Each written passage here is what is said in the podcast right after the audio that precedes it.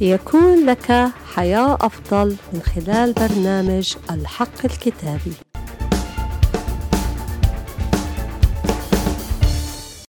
حقيقة اليوم الكتابية بعنوان الراحة الروحية لاستجابة الصلاة.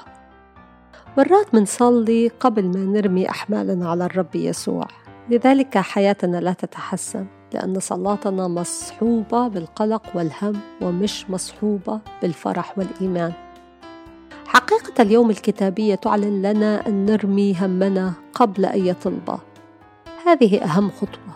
في متى 11 28 الكتاب المقدس يقول تعالوا إلي يا جميع المتعبين والثقيلي الأحمال وأنا أريحكم. يعني لو في مرض وصلينا علشان الشفاء ولكن في قلق وهم ده مش إيمان. لذلك إحنا محتاجين إلى خطوتين. أن نتخلص من الهم أن لا أخرج من حضرة الرب إلى أن أشعر بالراحة. الخطوة الثانية أن نبتدي أن نصلي من أجل أن يتدخل الرب في أمورنا. هناك راحة في الرب يسوع ويوجد أيضا راحة ثانية وهي في الخضوع. لذلك لا يوجد راحة بدون خضوع.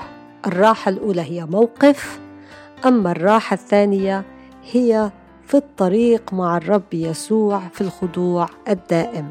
في يعقوب أربعة سبعة فاخضعوا لله قوموا إبليس فيهرب منكم. خلينا نصلي مع بعض ونطلب وجه الرب.